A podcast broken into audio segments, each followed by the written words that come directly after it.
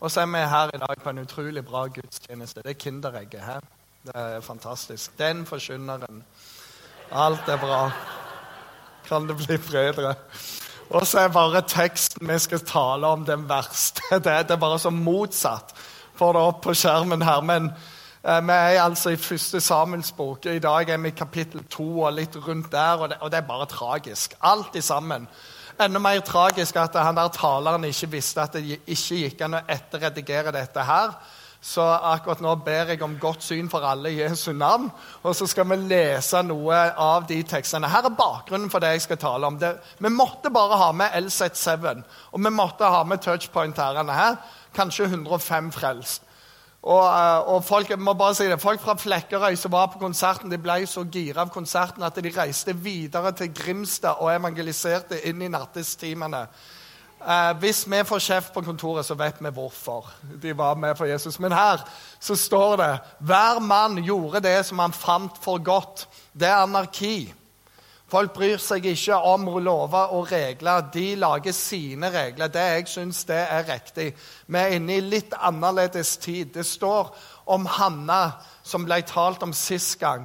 Hanna ba stille i sitt hjerte. Bare leppene hennes rørte seg, men stemmen hennes hørtes ikke. Derfor trodde presten Eli at hun var full, og han sa til henne, 'Hvor lenge skal du vise deg full?' Se å få den rusen ut av deg. Det som presten Eli ser, er nok noe han har sett mange ganger før i tempelet. Ei som sitter der og, og på en måte raver. Han bare kjenner igjen dette her. Fulle folk har gjort dette, og de har vanhelliget tempelet så mange ganger. Og vet ikke hvordan det er med deg, men ofte er det sånn med meg. Når jeg ser en ting som er unormalt første gang, så blir jeg bare sånn helt og bare sånn, wow, hva var det? Og så begynner jeg å tenke etterpå alt jeg burde ha gjort. Neste gang så kan det være jeg ikke handler, men på tredje gang da begynner jeg å handle. Og når Eli ser denne tilsynelatende fulle dama, så har han sett det så mange ganger, og det er noe inni han som sier du skal ikke holde på sånn som det er i Herrens tempel. All plassen var ødelagt. Og det står videre i de dager kom det sjelden ord fra Herren, og av syner var det få. Og det er ikke sånn at Gud er hemmelighetsfull, at han ikke vil meddele seg med oss. Gud har åpenbart seg for oss gjennom Jesus. Gud åpenbarer seg gjennom Skriften. Gud taler til oss gjennom Den hellige ånd.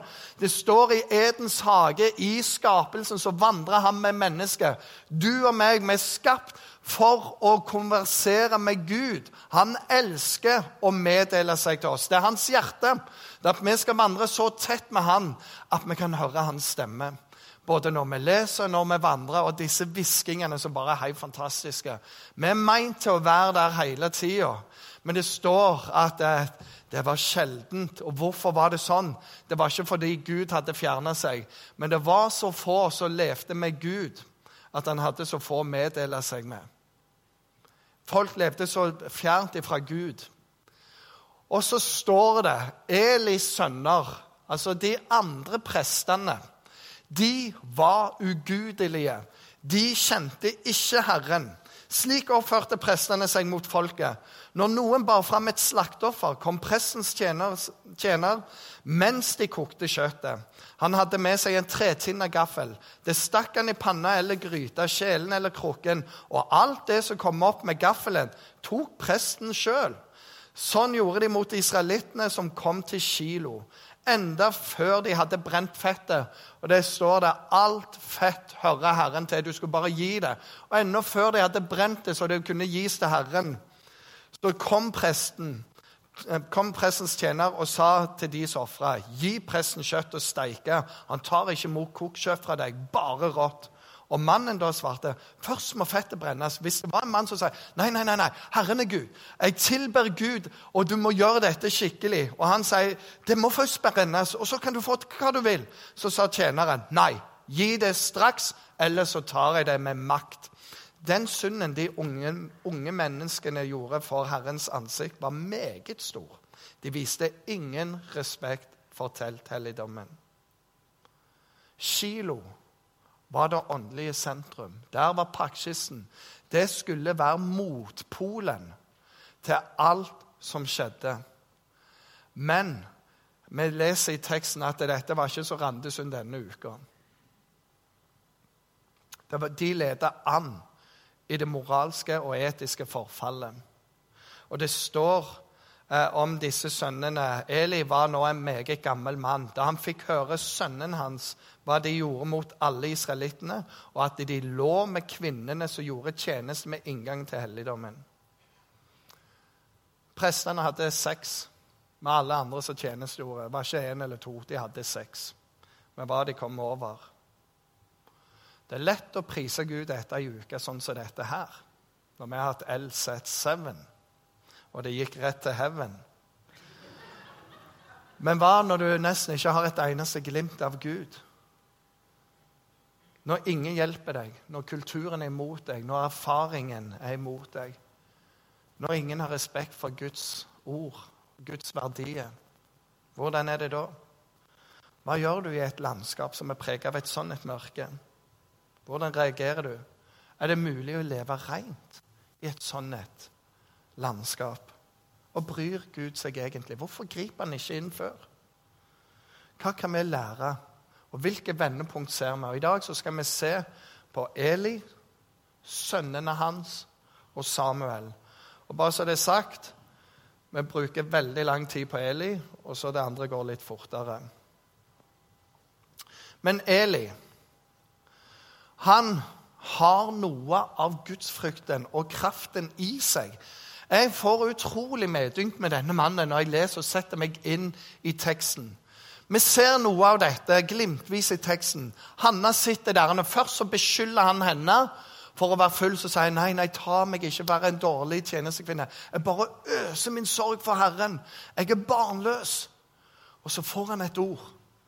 Og så sier han, før året er omme, så skal du få en sønn. Og så skjer det. Han får et profetisk løfte, og bom! Det blir oppfylt. Hanna i sin tur gir denne sønnen til tempelet. Gir til Eli. Se her, dette er sønnen jeg ba om. Han skal være her hos deg, hos Herren. Lær han opp, la han være en prest. Jeg gir han. Det er mitt takkoffer til Herren. Og hvert år så kommer hun med, med en ny prestekjortel som hun har lagd til han. Størrelse to år, størrelse tre år, størrelse åtte år. Hvert år. Og på ett år når hun kommer inn, så får Eli et nytt ord fra Herren. Og det er Herren skal gi deg igjen for at du er gitt til Han. Og damer får tre sønner og to døtre. Det blir rimelig fruktbart i det ufruktbare. Hun blir mor til mange. Hun vandrer med den verdigheten. Og det kom som et profetord fra presten. Seinere så leser vi at Samuel begynte å høre Guds stemme, men han forsto ikke hva det var, så han sprang alltid inn og vekte Eli. Litt irriterende når du prøver å få litt søvn, at Herren holder på. Til slutt så skjønner han ah, det er jo Herren. Så han sier til Samuel du, det er ikke jeg som roper på deg, det er Gud. Ah. Så neste gang så sier du tal, for din tjener hører. Ser du, Han bare gir en coaching der. Og det skjer. Samuel han legger seg i sengen, Gud stiller seg ved siden av han, og så sier han, tal, din tjener hører. Var det sånn han ja, tal, din tjener hører. Og så taler Gud. Neste morgen så sier Eli, si hva Herren sa. Si alt til meg, og hold ingenting tilbake igjen. For Eli hadde respekt for Guds ord. Eli visste hva Guds ord kunne gjøre. Så han kjenner Gud, han kjenner Guds kraft. Han har gaver og krefter. Men han er ikke der lenger. Ikke det som preger han lenger. Han har vandra med Gud, han har hatt en sterk tjeneste. Men han er ikke der lenger. Jeg har vondt av han. For den som kjenner Guds kraft, men ikke lever der, den har det vondt. For det er ingenting som er større enn å vandre som med Gud. Jeg har vondt av alle de som jeg møter i dag, som er akkurat der. Jeg levde sterkt med Gud. Men nå det er ikke så mye. Og det kan være mange ting.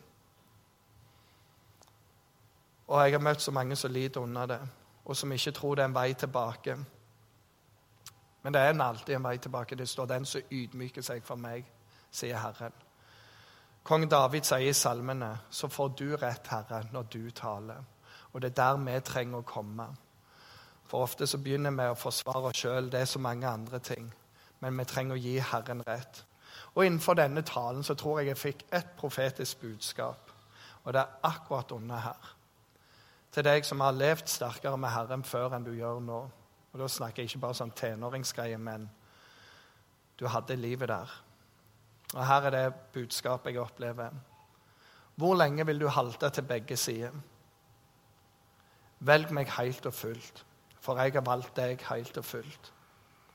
Velg smerten med å følge meg istedenfor den smerten du har nå. Mitt ord sier, 'Kom til meg med det som tynger', så vil jeg ta det, og jeg vil gi deg mitt å bære. For min byrde er lett, og mitt åk er ganglig for deg. Jeg ser deg, jeg lengter etter deg. Jeg har ikke gitt deg opp, men det begynner å haste. Og mest av alt, la meg få lov til å elske deg. Det tror jeg er et budskap til noen. Og jeg håper du responderer på det. Vi går videre. Han var en åndelig leder. Han var den øverste presten. Og det var der han svikta som mest. Og Der må jeg si, der, der har jeg ingen sympati. Sønnene var ugudelige. De kjente ikke Herren. De spotta de vanæra folk. De gjorde alt som var galt. Og det var én ting han skulle gjort, og det hadde han kraft til å gjøre. Og det var å si dere er ikke åndelige ledere. Dere får ikke lønn, og dere kommer dere langt vekk fra helligdommen. For alt dere gjør, det gjør dette til en ikke-helligdom. Dere ødelegger for folk. Folk ser ikke uh, Gud på grunn av dere. Gud stiller krav til ledere. Og spesielt til åndelige ledere og spesielt til forkynnere. Det er utrolig kjekt å være oss. For det står ikke alle bør bli forkynnere, for de skal bli strengere dømt. Det er bare sånn Å, oh yes, trengte den.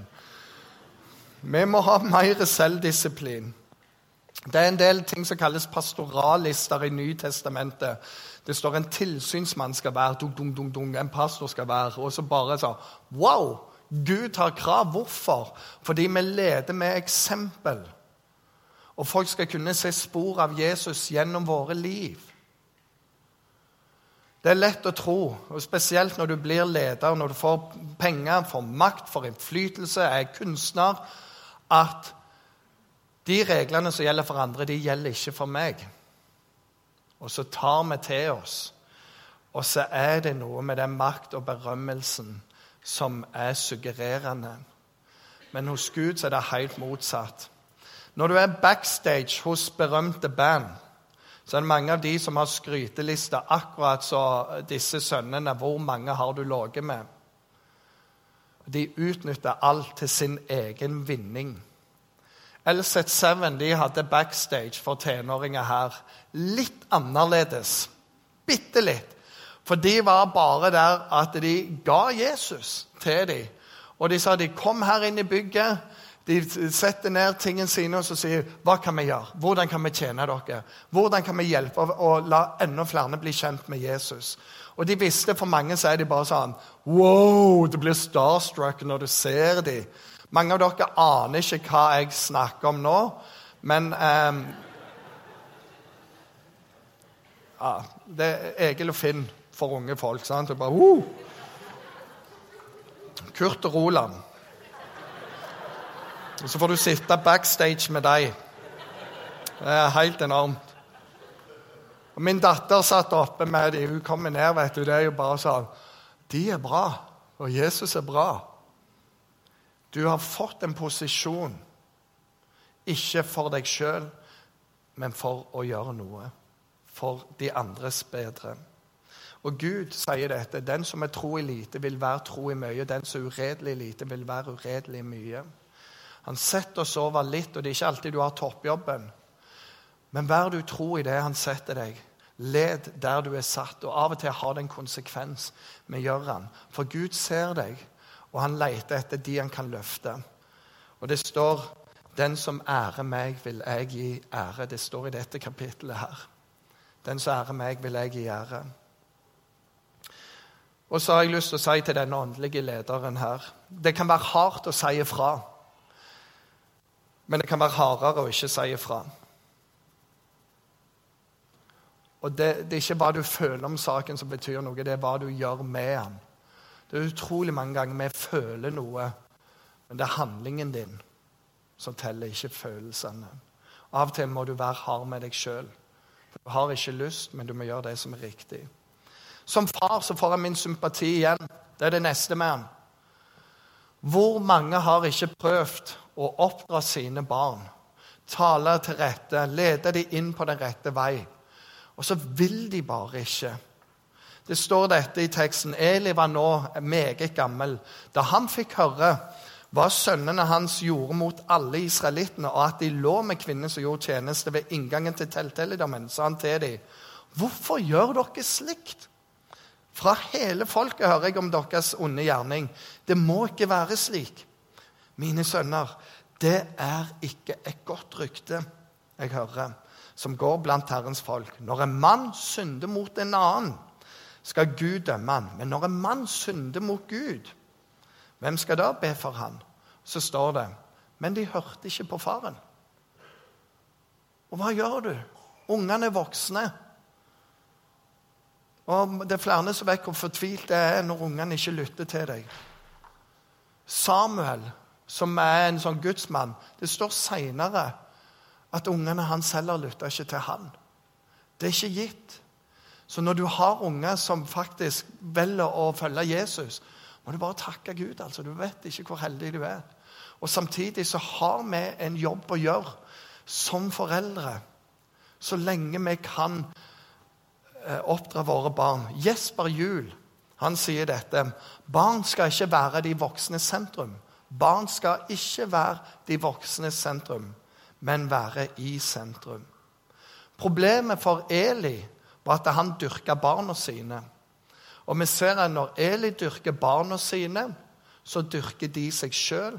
Og når folk dyrker seg sjøl, så går det veldig galt av sted. Hvis vi ser på Hanna Hun dyrker ikke barnet sitt, men hva gjorde hun? Hun ga det til Herren. Og hva skjer? Han forandrer en nasjon. Og det skrives ting etter ham. Og folk kaller barna sine opp etter ham. Jeg har noen venner fra USA som er meg nær, og flere av de sier dette. Dere nordmenn, dere dyrker barna deres. Barna deres er deres guder. Jeg blir litt sånn. Men de ser det, og så kan vi si veldig mye om amerikanere. Men de sier det. Dere dyrker barna deres. De går foran. Og så er det jo et tankekors at når alt annet enn det som har med Gud å gjøre, får fortrinn nesten hver eneste gang, hva sier det? Og vi vet at det er et dilemma. Vi lever i ei tidsklemme. Det er vanskelig. For det er turneringer, det er fritid, det er familietid. Men er det òg gudstid? Er det prioritert? Har det fortrinn? Eller er det bare i de ledige stundene som måtte være? Vi har et oppdrag, og det er jo ikke tilbe barna våre, men å hjelpe dem å tilbe Gud. Og Så kan en stille spørsmål hvordan får vi det til. Vi må vise vei gjennom våre leir. Fortsett å gå på møte. La de se deg be. La de se deg lese Bibelen. La de vite at du gir. Min kones foreldre de levde i den herlige tida når du måtte betale 17% rente på huslånet. Noen av dere husker den herlige tida der? Og, og, hun ser foreldrene sitter med regninger, og det bare går ikke opp. Og hun ser liksom fortvilelsen. Hva gjør vi nå? Så sier far i huset, vel, vi betaler tiden først, for det er Gud sitt, og så fikser vi resten. Hun hørte det en gang, og det har aldri sluppet henne. Hun var kanskje seks-syv år gammel. Den dagen lærte hun å gi tiende. For det var bare det var ute av spørsmålet hva du gjorde med dem. Et eksempel til etterfølgelse.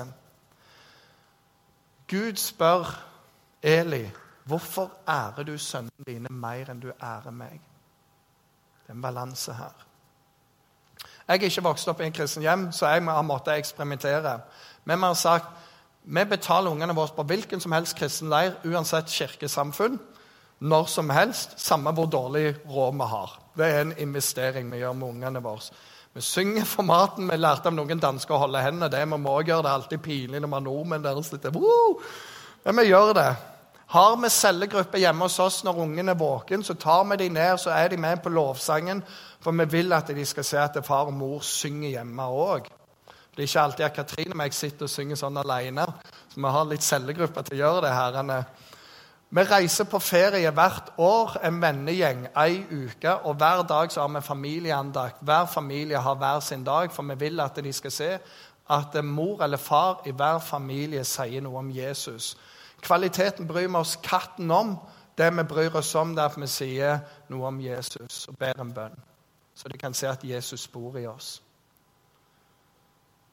Det beste du kan gi til barna dine, er Jesus. Men da må Jesus være i sentrum av livet ditt òg. Siste ting om Eli. Ettermælet hans. Det er ikke de første åra du blir huska for. Veldig ofte er det ikke brorparten av livet heller men det er hvordan du slutter livet. Hva var slutten? Og Du kan ha levd et langt og godt liv, gjort mange ting, men hvis det tar en dårlig sving, så husker folk det siste mye mer enn det første. Det er fra nå av og ut. Han hadde sterke år i tjenesten. Han hadde mange ting. Men han huskes ikke som den gode presten. Han huskes som den svake lederen.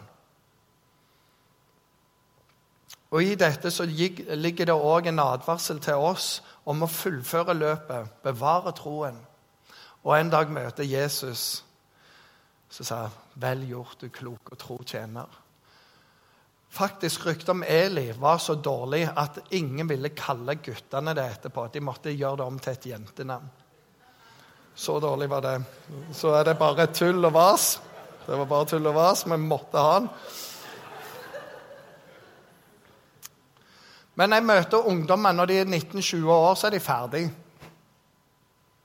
Og så møter jeg voksne når ungene er på vei ut, så er jeg ferdig.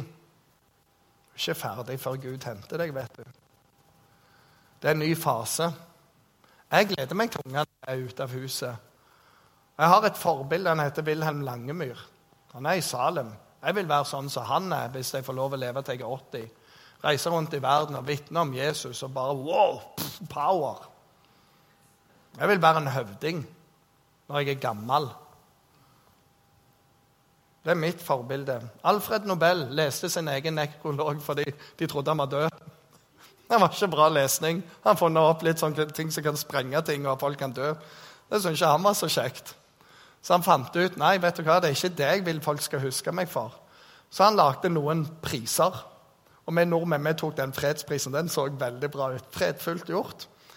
Og nå huskes han for alle de gode prisene han deler ut, og verden følger med. Og mange vet ikke hva han egentlig gjorde. Fordi det siste er viktigere enn det første. Så hva skal ettermælet ditt være? Vi går videre, og nå går det fortere. Hofni og Pinas, det er sønnene.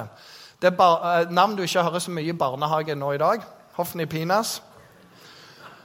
Og Det handler litt om hvordan de levde. Men jeg har lyst til å si dette er menighetsbarn. De er vokst opp i helligdommen. De har vært i tabernaklet hele livet. De har hørt alt, de har sett alt, de har vært med på alt. Men de kjenner ikke Herren. De har vært så nære uten å ta del i det. De har sett under etter under. De kan hele Skriften utenat. Men alt har mista glans. Og så begynner de å bevege seg ut, og så ut og så ut. Og så enda lenger ut. Og så merker de dette har jo ikke tilsynelatende negative konsekvenser. Gud straffer oss ikke. Så det går litt lenger ut. Og så begynner de å smake av det gode kjøttet. og Det er jo veldig bra. Og så plutselig har de ligget meg, og det var jo ikke så ille, for ingen sa noe om det. Og så er det en annen som har lyst på meg, så ja, hvorfor ikke? Og så, og så bare ender det helt uti der. De er vokst opp med alt. Alt ligger rett foran beina på dem. Men de begynner bare å drive helt av gårde til en plass der Bibelen sier de var ugudelige, de kjente ikke Herren, de hadde ikke respekt for uh, folket, de hadde ikke respekt for faren sin, og de trakasserte folk. Og det er forferdelig lesning. Hanna kommer der De ser hva som skjer. En gutt flytter inn. Et bønnesvar flytter inn. Av alt så kan de si vi vet Herren lever. Dama var ufruktbar, men her er gutten. Han lever med oss. Det kunne vært vendepunktet, men det er ikke kult nok. For det livet de har, det er mye kulere. Det er mye mer attraktivt. Underne rundt dem, de har alt, men de har ingenting. Det er Hofnøy og Pinas. Pinas han er oppkalt etter en annen Pinas, som var Elasers sønn, som var sønn av Aron. Og denne Pinas han var en meget gudfryktig mann. Fordi På den tida der så var alle helt ute, som det av og til pleier å være i Bibelen. Og så får han nok av all urenhet, av all falskhet. Og så trykker han til. Og så gjør han en del ting. Og så kommer Guds godhet tilbake til folket. Og da heter annenhver gutt i barnehagen Pinas. Men nå så heter ingen det, for at han er det motsatte av det. Det er Hofni Pinas. Ettermælet er elendig, og de tenker hele tida dette har ingen konsekvens. Vi beviser hele tida at det ikke har. Og til slutt så er det en forferdelig konsekvens. Den siste er det Samuel. Og han er for meg forbildet. Han vokser opp i dette. Han er gitt til tempelet. Han ser alt som skjer. Han vokser opp med alle tingene. Han har alle muligheter til å starte en tidligere karriere på den veien bortover der. Men han velger annerledes. Han tar noen valg om at Herren er Herren. Og dette handler om valg. Og han ifra han er liten, så velger han å gå på Guds vei. Det står disse tekstene. Men gutten ble igjen og gjorde tjeneste for Herren. og presten Eli hadde tilsyn. Men Samuel gjorde tjeneste for Herrens ansikt. Han var inne der allerede som gutt, bare en presseklær av lin. Så står det videre gutten, Samuel vokste opp og var til glede både for Herren og for mennesket. Han var til glede for Herren og mennesket. De to andre de var til skam for alle sammen. Han var til glede. Hvordan er vi til glede for Gud? Hvordan er vi til glede for mennesket? Du er til glede for Gud når du har Han i sentrum. Og om du gjør det riktig eller galt, at du kommer til ham med alle ting. Du er til glede for mennesket når de ser at Gud er i sentrum. De fatter håp. For det er så mange som ønsker å finne Gud, men de klarer ikke å finne han, for det er ingen som stråler ut. Det er ingen som bærer det med seg. Men når du begynner å bli bærer, så er det folk som ser det. Og hva enn de sier til deg, så er det så mange som har respekt for det. De vet du er skikkelig. Han var til glede for. Og Så står det videre Da kom Herren, stilte seg opp for han og ropte som før, 'Samuel, Samuel.' Og Samuel svarte, 'Tal, din tjener hører.' Istedenfor å være med ut der, så lærte han Herrens stemme å kjenne. Og det er så viktig at du og jeg gjør det.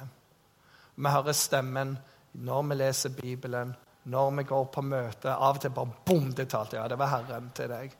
Du får inntrykk i bønn. Og så står det Så vokste Samuel opp. Herren var med han og lot ikke noen av hans ord falle maktesløse til jorden. Da forsto hele Israel, fra Dan til Beersheba, at Samuel var betrodd å være profet for Herren. Herren fortsatte å vise seg i Kilo. Der åpenbarte han seg for Samuel gjennom sitt ord. Her er greia med dette. Han valgte som ung å følge Gud, mens de andre bare turte på. Og Jeg tror han hadde et tilbud hele tida om å være med i det, men han valgte å søke Guds ansikt. Og på et tidspunkt så bare løfter Gud han opp, og det står at ingen av hans ord falt maktesløse til jorden fordi det var Herren i det. Hva enn omgivelsene dine er, hva enn familie, hva enn venner, hva enn arbeidsplass, hva enn som er rundt deg, det kan være valget ditt. Å leve med Herren i sentrum og lære Han å kjenne. For Herren ærer den som ærer Han. Jeg skal avslutte nå. Men jeg har noen spørsmål. Som Eli, hva skal ettermælet ditt være? Skal du fullføre? Våger du tøff kjærlighet, eller håper du bare det skal gå over? Av og til så vet du du må si ifra. Er barnet sentrumet ditt, eller er de i sentrum? Våger du å være et eksempel? Hofni Pinas. Spørsmålet hva jager du etter? Hva er styrende for livet ditt? Er det du sjøl som skal sette reglene og grensene, eller skal du la Gud og andre mennesker får lov å tale inn i deg, livet ditt? Og skal du faktisk begynne å høre på dem? Og Samuel, våger du å velge annerledes? Kan du leve rent? Kan du gi 100% Til de unge så står det la ingen forakte deg fordi du er ung, men vær et forbilde i ord og gjerninger, kjærlighet, troskap og renhet. Det er en bra pakke. Det som er flott, det er at Bibelen lærer oss det at eh, hva enn vi har, og hva enn vi måtte ha med oss, når vi omvender oss til Gud, så tar Han tak i det. Og så har jeg lyst til å si helt, helt til slutt her Jeg tror det var et budskap i dag. Hvor lenge skal du halte til begge sider? Velg meg fullt og helt, for jeg har valgt deg helt og fullt. Vel smerten med å følge meg istedenfor den smerten du har nå. Og mitt ord sier, 'Kom til meg med det som tynger, så vil jeg ta det.' Og heller gi deg mitt å bære. For min byrde er lett, og mitt åk er ganglig for deg. Jeg ser deg, jeg lengter etter deg. Jeg har ikke gitt deg opp, men det begynner å haste. Og mest av alt, la meg få lov å elske deg. Amen. Etterpå nå så er det mulighet faktisk å få forbønn, enten noe av dette har talt til deg, eller det er andre ting. Det er forbedere og samtalepartnere der inne. Det går an å sette seg her framme. Det er lys og tenner der, og det er bønnekrukker. Skal vi bare be en bønn mens de kommer opp?